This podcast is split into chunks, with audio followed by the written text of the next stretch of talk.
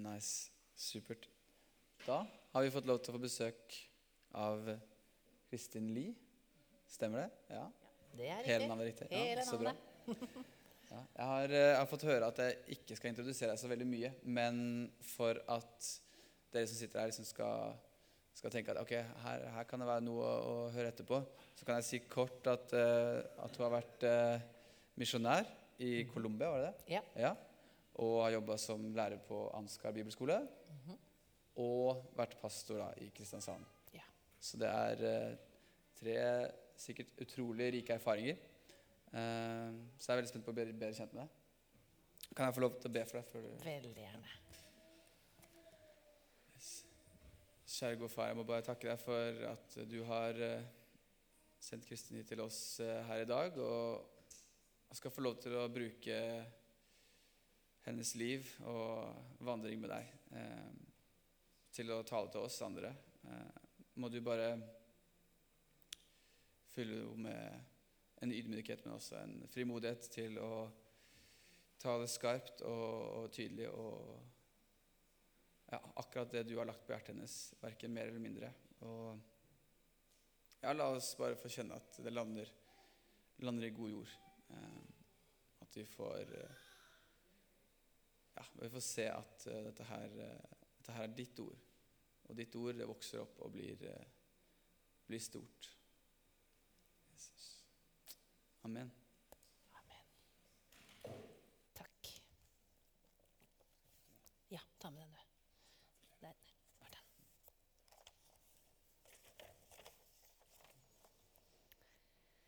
Så fint. Og litt spennende. Kribler jo litt i magen. Nå tror jeg at jeg skal slå på en eller annen sånn her. Ja, der står den helt fint. Tusen takk for invitasjonen. Jeg tror det er Ellen Merete som skal ha skylda for det. det er helt riktig. Eh, Jeg er rett og slett så heldig at jeg er her den helga fordi jeg har en veldig god venninne, og hun sitter der. Og så fikk jeg lov å ha en frihelg, og da dro jeg hit for aller første gang. Og jeg er så, eh, jeg er liksom så tatt av Tromsø. For en fin by. Og for et vakkert sted. I går gikk vi på ski. På fredag så satt vi i badstue og bada i havet. Ja, det var kaldt. Og så har vi gått rundt i byen, og så syns jeg bare det er veldig vakkert her. Mm. Så det var, jeg, jeg vet ikke hvorfor ikke jeg skjønte det på forhånd, men eh, det har liksom tatt meg litt. Jeg har blitt litt overraska. Og så sa jeg at egentlig kunne jeg tenke å starte talen med bare å si kort om meg selv, for at dere skal vite hvem jeg er. Og så fordi at jeg kommer tilbake til noe av det som har vært viktig i min livshistorie i forhold til det budskapet som er for i dag. Så jeg vokste opp i en kristen familie, var vant til å gå i kirke. Likte det veldig godt, fordi jeg er litt sosial. Så da var det jo veldig sånn perfekt å kunne gå i kirka på mandag, tirsdag, onsdag, torsdag, fredag, lørdag, søndag. Og når jeg var for gammel til å være med på Barneforeningen, så ble jeg leder i Barneforeningen. Og sånn var liksom min greie. Og så opplevde jeg noe veldig sånn På en måte både veldig rart og veldig naturlig da jeg var syv-åtte år. For da var det en mann som spurte meg når vi var i kirka, så sa han ja, hva skal du bli når du blir stor? Det spør vi jo barn. Tror jeg skal bli lærer, svarte jeg. Da hørte faktisk jeg en stemme i hodet som sa du skal bli misjonær. Ja, tenkte jeg. Det er visst det jeg skal bli. Men det sa jeg ikke til noen, og det bare bevarte jeg inn i hjertet mitt som noe jeg på en måte visste var sant, men også noe som bare skulle være der en liten stund. Så har det også vært sånn i livet mitt at jeg har flytta veldig mye. Blant annet da jeg var 16, så flytta hele familien fra Østfold fylke til Telemark. Og det er jo langt. Eh, langt nok for et eh, menneske, på en måte. Man kan ikke være sammen med de samme folka. Det var da jeg begynte på videregående.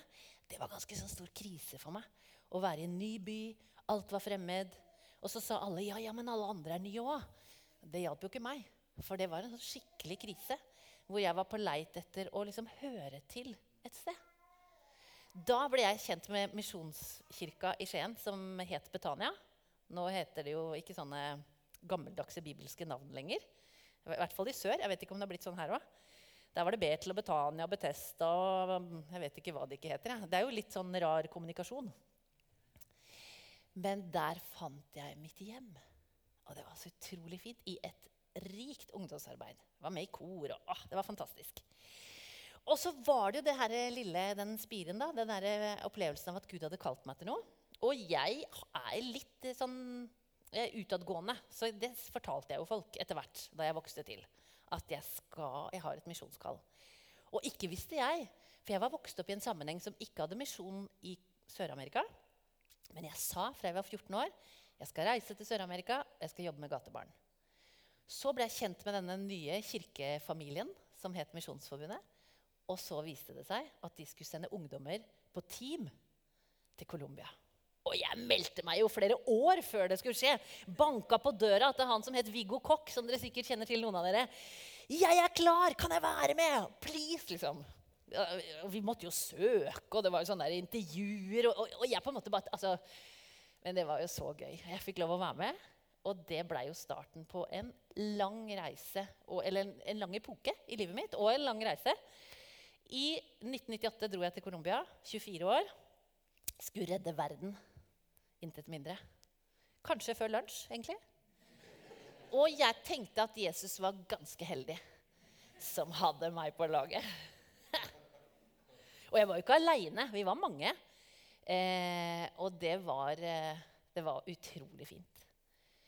Og i til sammen åtte år, over en sånn tiårsperiode, så bodde jeg der og arbeida der. Mye sosialt arbeid. Mye hjelpetjeneste i det som er nøden der. Selvfølgelig med evangeliet. Men også mye mat og rusavvenning. Og det er et fantastisk arbeid i Colombia.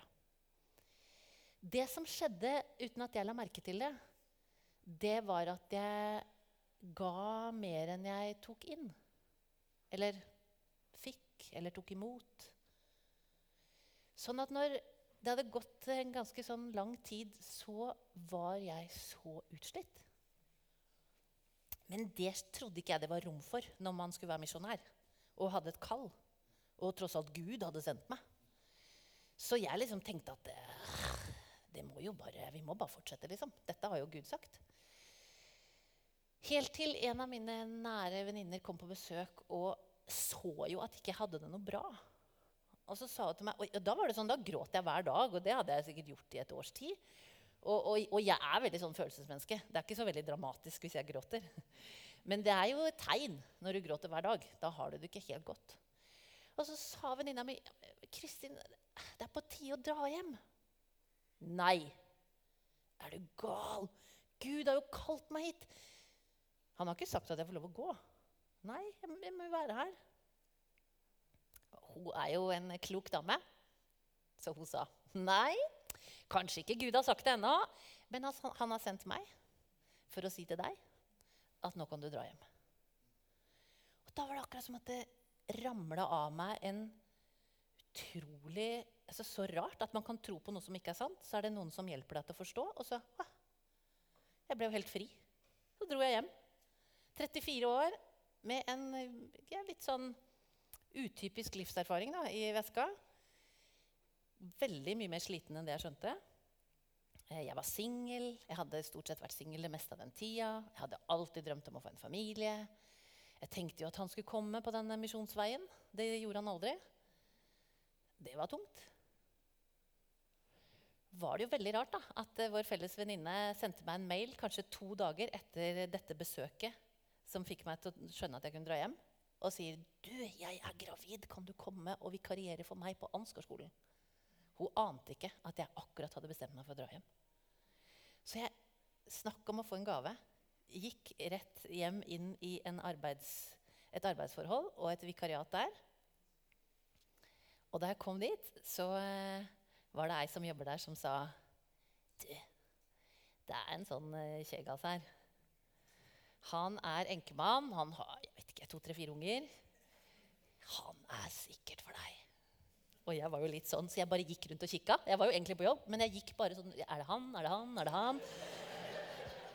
Ble- Altså, hvis du er singel og er lei av det du, du er veldig Du er veldig sånn Du vet, du ser det symbolet der. Sant? Jeg kikka ikke på ansiktet til folk. Jeg kikka bare Er det ring? Er det ring? Er det ring?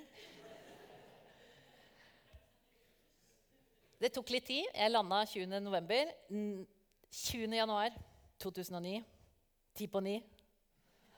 Jeg hadde ikke tenkt å ta sånn love story, da. Men da gikk jeg ut av bilen min på parkeringsplassen på Ansgarskolen. Det gjorde en mann samtidig. Så gikk vi ved siden av hverandre opp for de av dere som kjenner der, ned parkeringsplassen, opp bakken. Så åpna han døra for meg, og jeg tenkte bare Er det han? Og ikke sant, I Latin-Amerika er menn, menn så gentle. De åpner dører og holder veska og ah. Så jeg blei jo veldig sånn Å, det her var litt godt. Så var det jo han. Og lang historie kort, det ble oss. Jeg fikk bratt læringskurve i familie, for han hadde jo to barn. Og de hadde mista sin mamma. Det er jo en annen stor historie. Vi ble gift. Så jeg blei stemor til to som i dag er 21 og 26. Studenter, ferdig studert, jobber, flytta hjemmefra for lenge siden. Og så har vi fått Marius sammen, som er ti år. Så jeg er mamma også. Og så tok jeg en videreutdannelse og blei faktisk familieterapeut. Så i dag, selv om jeg har gjort alt det du sa, så har jeg liksom lukka litt den døra der. Og så jobber jeg i Lillesand kommune som familieterapeut. Treffer mange, alle de vanlige familiene som vi er i byene våre. Og så har vi flytta til litt sånn på landet utafor Kristiansand. Mellom Kristiansand og Lillesand er det et lite sted som heter Høvåg. Og det er bygda og landet for de som er kjent, så jeg tenkte jo nja. Og så skjedde jo det at det har blitt starten på et nytt kapittel for meg. Som er på en måte tema i det vi skal snakke om i dag. Så jeg måtte bare ta dere med på den lille reisa. Fordi jeg opplevde at da vi flytta på landet og bor tett med skogen, nær til havet, så flytta jeg ut i den første trosartikkel. Jeg tror på Gud Fader, himmelens og jordens skaper. Og jeg kan bare kikke ut av vinduet eller gå ut av døra, så kjenner jeg det. Og så ringte jo du, Ellen Merete, og spurte har du lyst til å tale. Temaet er plante. Og hun vet jo at jeg har liksom både fått en ny hobby og en ny lidenskap, og jeg har blitt litt ko-ko. For når jeg har kommet ut der, så har jeg jo skjønt at meninga med livet, det er jo å så.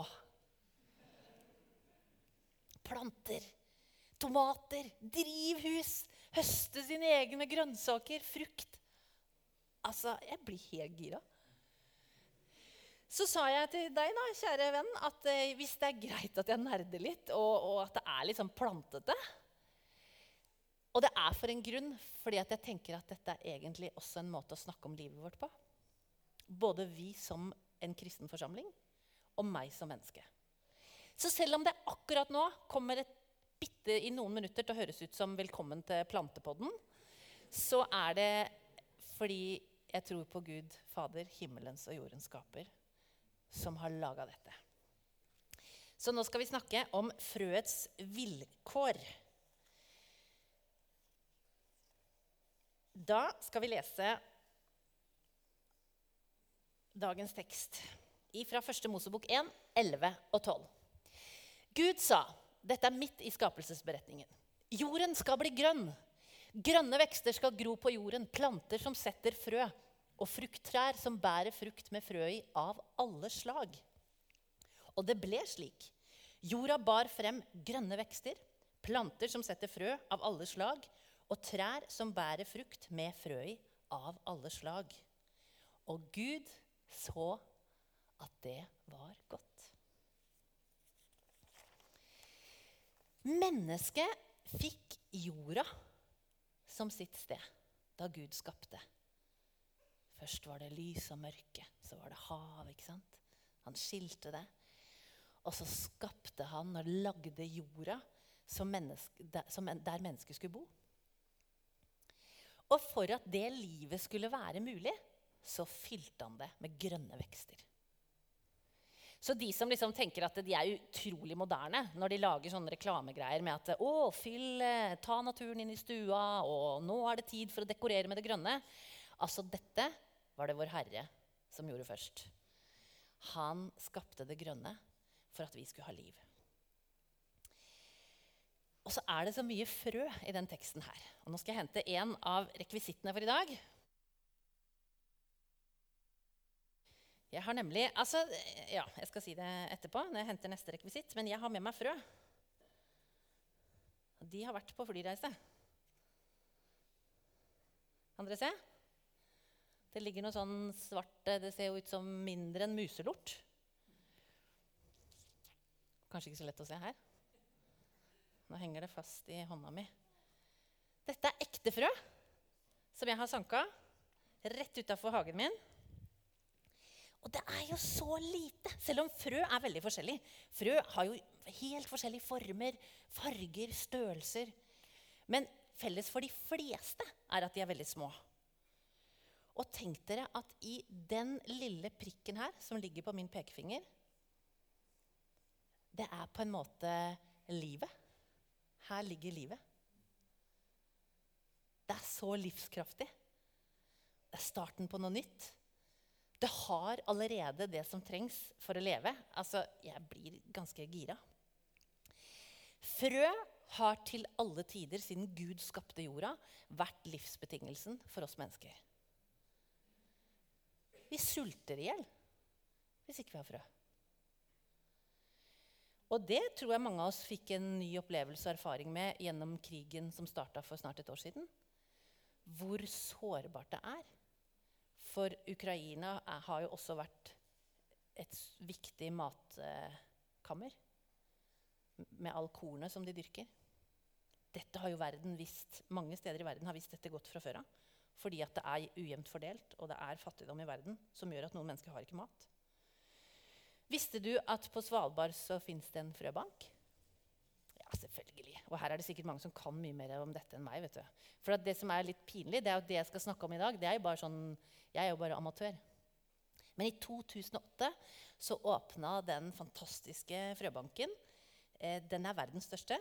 Var i hvert fall det da. Og det er sikkerhetslageret for menneskeheten. Der samler de frø. Alle land har sine frøbanker. Og så samler de sammen, og nå ligger det der på Svalbard og i Sør-Korea. Langt inne i permafrosten. Og for at ikke det skal fryse seg dødt, så må de jo hele tida ta det fram og sjekke om det er spiringsdyktig. Og hvis det er i ferd med å miste spirekraften sin, for det kan du sjekke ut om et frø har spirekraft, hvis de ser at nå har det vært lagra for lenge og er i ferd med å dø, så dyrker de det fram for at det skal komme nye frø, og for at livet skal fortsette. Er det ikke fantastisk? Altså, I sånne små prikker. Da syns jeg det er vanskelig å ikke tro på Gud. Når jeg ser på det.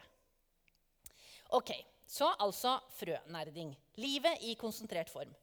Det er så lite, og så er det så livskraftig. Det som jeg har lært nå, da, fordi at vi flytta på landet, og jeg sa ok, jeg må ha et drivhus Jeg fikk et drivhus. Så begynte jeg å så.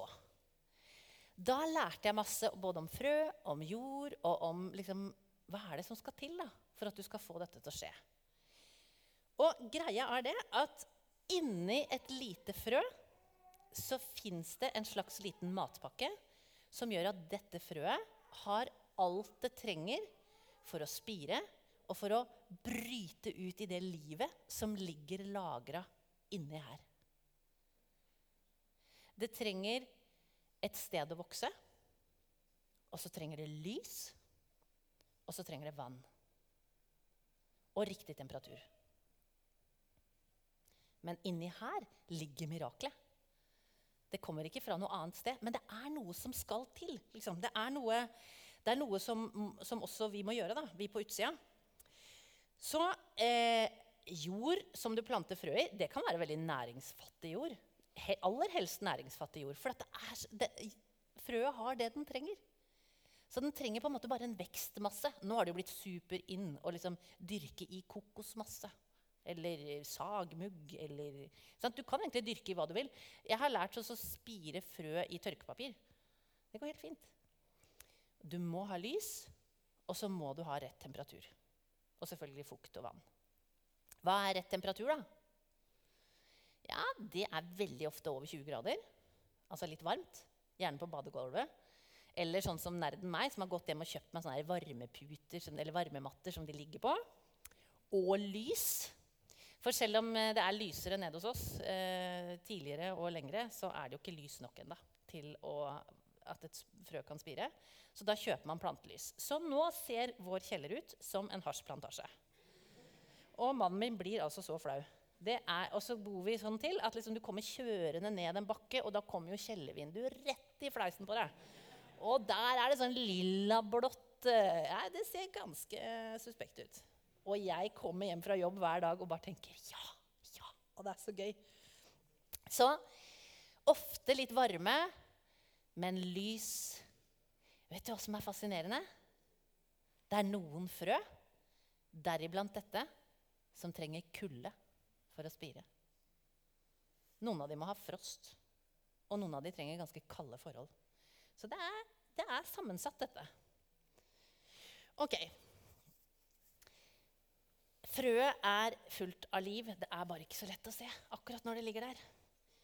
Og det som skjer når du planter, da, og som har begynt å skje i kjelleren min, det er at det kommer opp bitte små grønne spirer. Hvis vi går tilbake til det bildet der, eh, fantastisk. Altså, jeg har kommet ned i kjelleren og sett den derre første. Egentlig før den første.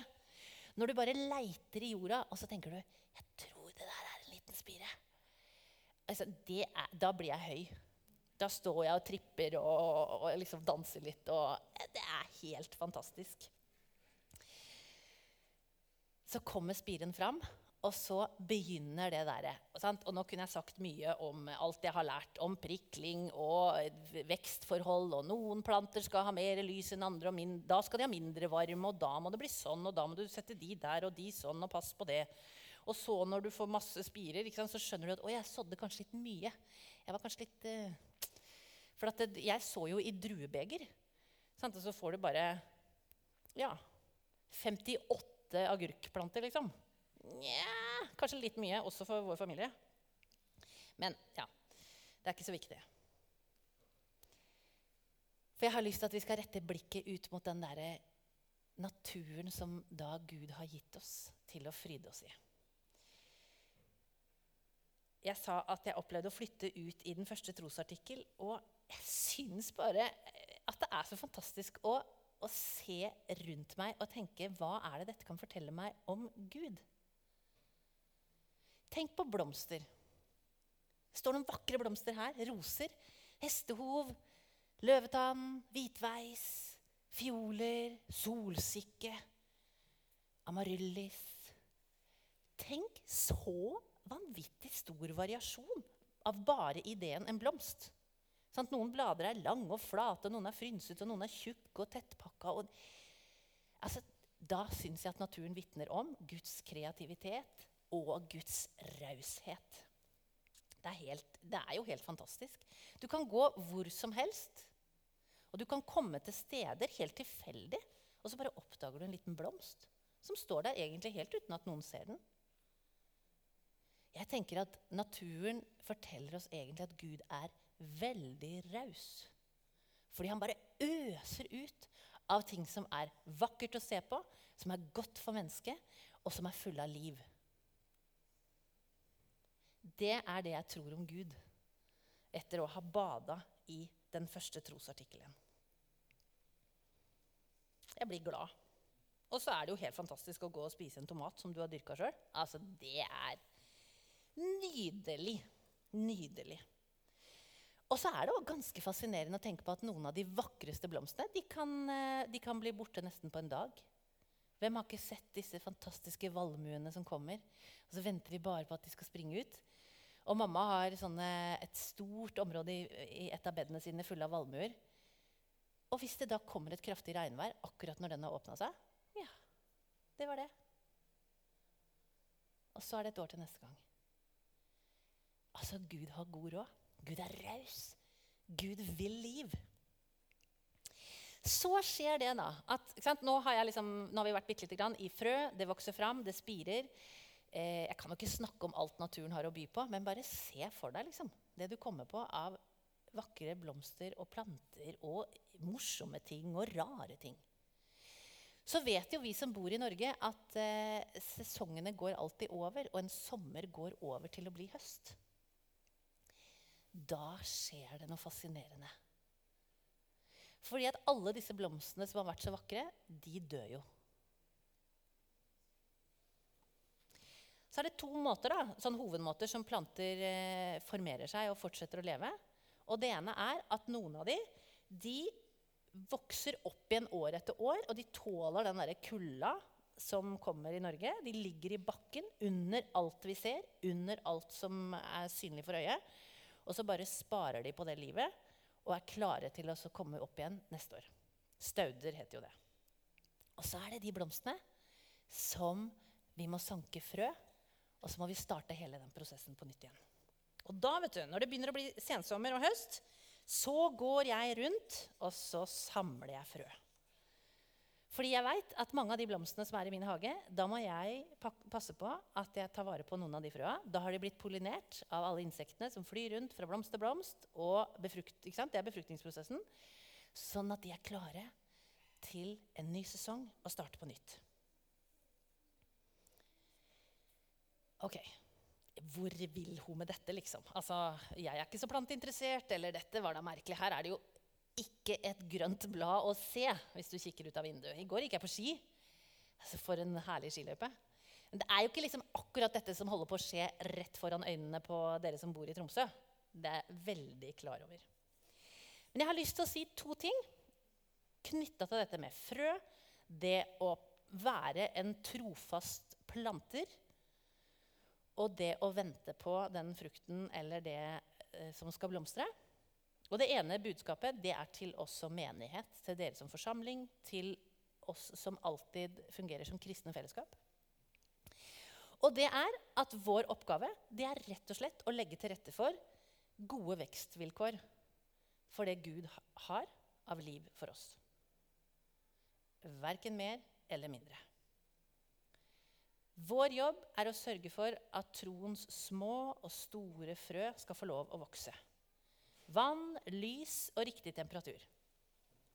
Resten skjer jo av seg selv. Det er jo det som er så magisk. Det finnes jo ikke en egen eneste bonde i verden som kan skape liv. Altså Samme hvor profesjonell du er i det som jeg nå har blitt litt betatt av, så kan ikke jo vi skape liv. Vi kan legge til rette for at det skal skje. Det tror jeg også er en måte å tenke på det å drive menighet. Vi skal legge til rette for at Gud skal få lov å gjøre det han alltid har gjort. Skape liv. Glede, raushet, varme, livskraft. Ja, hvordan gjør vi det, da? Ja, det gjør vi sånn som det her. Komme sammen, feire gudstjeneste, synge sammen, be sammen, lære noe. Feire nattverd. Vi forkynner jo at dette tror vi på. Sende barna på søndagsskolen. La de få høre. Ingen av oss vet hva denne dagen betyr. Ingen av oss vet hva det å vokse opp her betyr for et senere liv. Så kallet vårt det er ganske stort og viktig. Og det er jo ikke sånn at Når jeg går ned i kjelleren og vanner Nå står alle de drueboksene i sånne store brett. ikke sant? Det er jo ikke sterkt og herlig og salig å gå ned og vanne. Men det er jo helt nødvendig. Og jeg tenker at Det vi gjør når vi kommer sammen, det er helt nødvendig. Av og til er det veldig fint. Og av og til er det helt vanlig. Og så er det helt nødvendig. Så kjære menighet, ikke ringeakt det trofaste, det vanlige, det rutineprega. For det spektakulære, det holder alltid på å skje. Yes. Så kommer det siste poenget mitt. Og nå har jeg sikkert brukt lang tid allerede. Jeg trodde det skulle være så kort. Altså, Jeg har hatt med meg dette på fly. Jeg er veldig stolt av at jeg klarte det. Nå skjønner dere.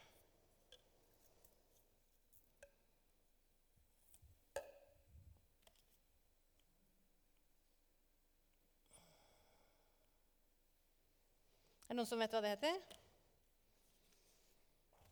Det er en blomst. Akkeleie. Dette er en akkeleie. Jeg flytta til et sted hvor det vokser akkeleier overalt. Og den eh, formerer seg sjøl. Eh, det er ikke så veldig vanskelig. Den gjør jobben. Eh, men for meg har den blitt en tale. Dette er også en akkeleie. Det er liksom ikke like stilig. Dette er egentlig sånn når den har visna. Når sommeren er over, når det vakre er ferdig, og når høsten kommer, så står de sånn. Og nå kan dere gjette. Vet dere hva som denne er full av?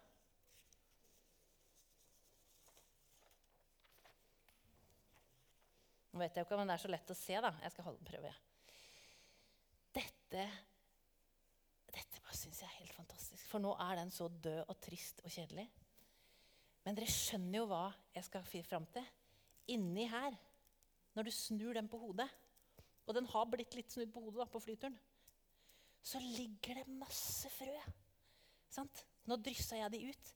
Men arket blir jo hvitt av sorte frø. Her er det liv. Ikke rai, rai, men uh, det er jo egentlig det. Det er egentlig det. For det er det jeg har liksom lyst til å si. Minne oss på i dag. Fortelle oss.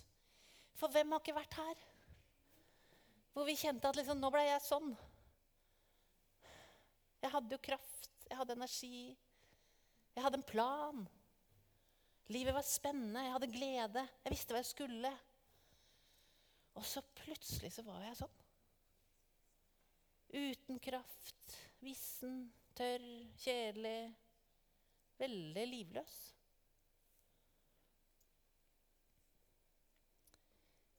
Jeg tror jo også at det er sånne sesonger i et menneskes liv. Akkurat sånn som naturen går i bølger, har årstider, ulike sesonger. Og da skjønner dere sikkert hvor jeg vil. Jeg har så lyst til å oppmuntre deg som tenker at eh, jeg tror jeg er litt ferdig. Jeg. Har ikke så mye mer. Jeg trodde ikke jeg skulle være ferdig, men eh, det er bare tomt. Det er dødt, det er hardt, det er kjedelig. Det er, eh, det er ikke noe liv. I dypet av skapelsens mysterium så ligger det, denne fortellingen, at i døden finnes det liv. Og vi kan ikke snakke om livet uten også å snakke om døden. Og én ting er den store døden, at på et eller annet tidspunkt så skal vi alle dø. Men eh, hva lærte vi av Jesus rett før han skulle dø? Så sa han til disiplene sine hvis ikke hvetekornet faller i jorden og dør, så blir det bare det ene kornet. Men hvis det dør, så bærer det rik frukt. Det er jo en måte å se hele evangeliet på. Død blir til liv. Og så er det akkurat som jeg tenker i dag at liksom, sånn kan det være i livene våre òg. Det som dør, det bærer faktisk også spiren til et eller annet nytt liv i seg.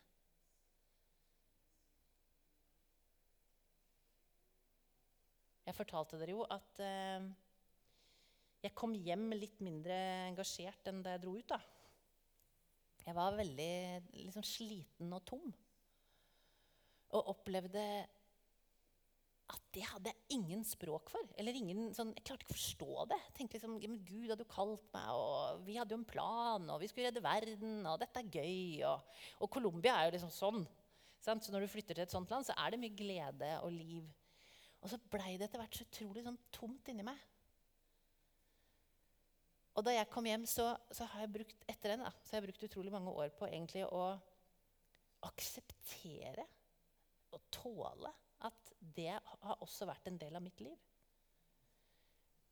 Gikk høyt ut, og det var fint. Og så kom det noe som var noe helt annet. Det kom på en måte en slags død. Og da tenkte jeg bare at det var noe gærent med meg og det var noe gærent med troa mi. Og jeg var ikke så god kristen, og det burde jeg ha vært litt annerledes. Burde ha skjerpa meg litt. Men jeg klarte aldri å skjerpe meg ut av det.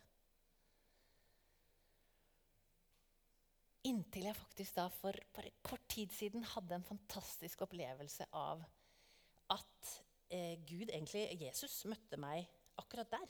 akkurat der hvor det er som tørrest. Jeg har lenge sagt at det er akkurat som om jeg møtte en vegg. Og så klarer jeg ikke å flytte på den veggen.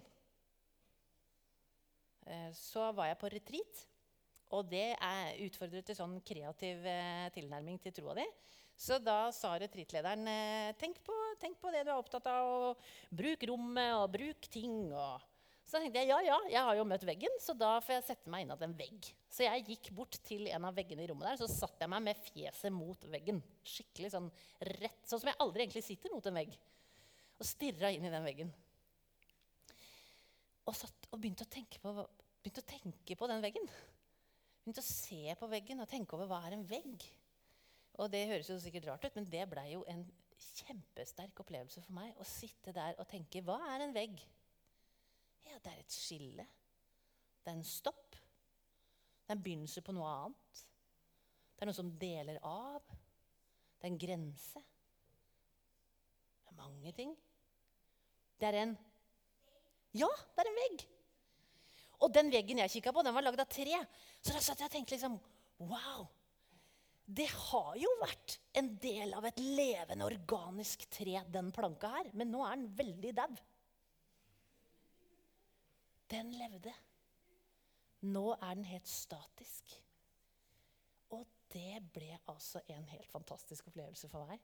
For det, er det som også skjedde, det var at jeg opplevde at Jesus satte seg ned med beina i kors ved siden av meg. Så sa han liksom Ja, la oss sitte her og kikke på denne veggen.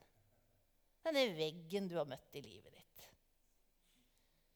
Og så hadde jeg i så mange år gått rundt og tenkt jeg får det ikke til. Jeg er ikke god nok. Eller, eller jeg, ikke, liksom, jeg, hadde ikke det som, jeg hadde ikke det der ekstra. Jeg hadde ikke noe mer tro. Jeg hadde ikke noe mer kraft. Jeg hadde ikke noe mer liv.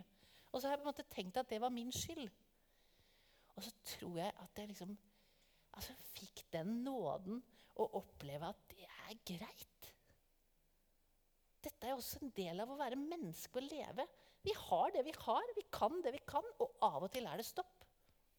Og når Jesus satt der liksom sånn med beina i kors ved siden av meg, og vi kikka sammen på den veggen, så fikk jo jeg et nytt liv. For jeg fikk glede og håp og Og det var ganske sterkt. For han var ikke så veldig redd for den veggen. Han syntes bare det var Han visste jo om. Eh, Han var ikke sjokkert. Altså, det er jo jeg som var sjokkert. Det var meg som ikke helt takla at det ikke ble sånn som jeg hadde trodd. Og så skjedde det en siste fin ting. For det var akkurat som at når det hadde gått en stund, så tenkte jeg plutselig at jeg kan jo snu meg rundt.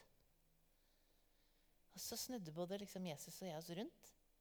Og så lente jeg meg innat den veggen. Og så tenkte jeg åh, det var godt at den var her. Kan jeg lene meg innat min egen begrensning? Og så sitter Jesus her. Og så får vi fortsette å leve, da. Og nå blei det sikkert både lenger enn planlagt og mange ord og planter som noen sikkert ikke bryr seg så mye om. Og Men håpet mitt er at vi skal med fornya kraft feire gudstjeneste og møtes og be og synge og vite at vi holder på med noe som skal leve evig. For det lever etter oss når vi dør. Her har det vært folk før oss som ikke lever lenger. Og hvis du kjenner på det derre tunge, døde, fæle, kjipe i livet, så vet du nå at det fins altså liv i en sånn tørr kvist. Kimen til nytt liv. Dette har Gud gitt oss.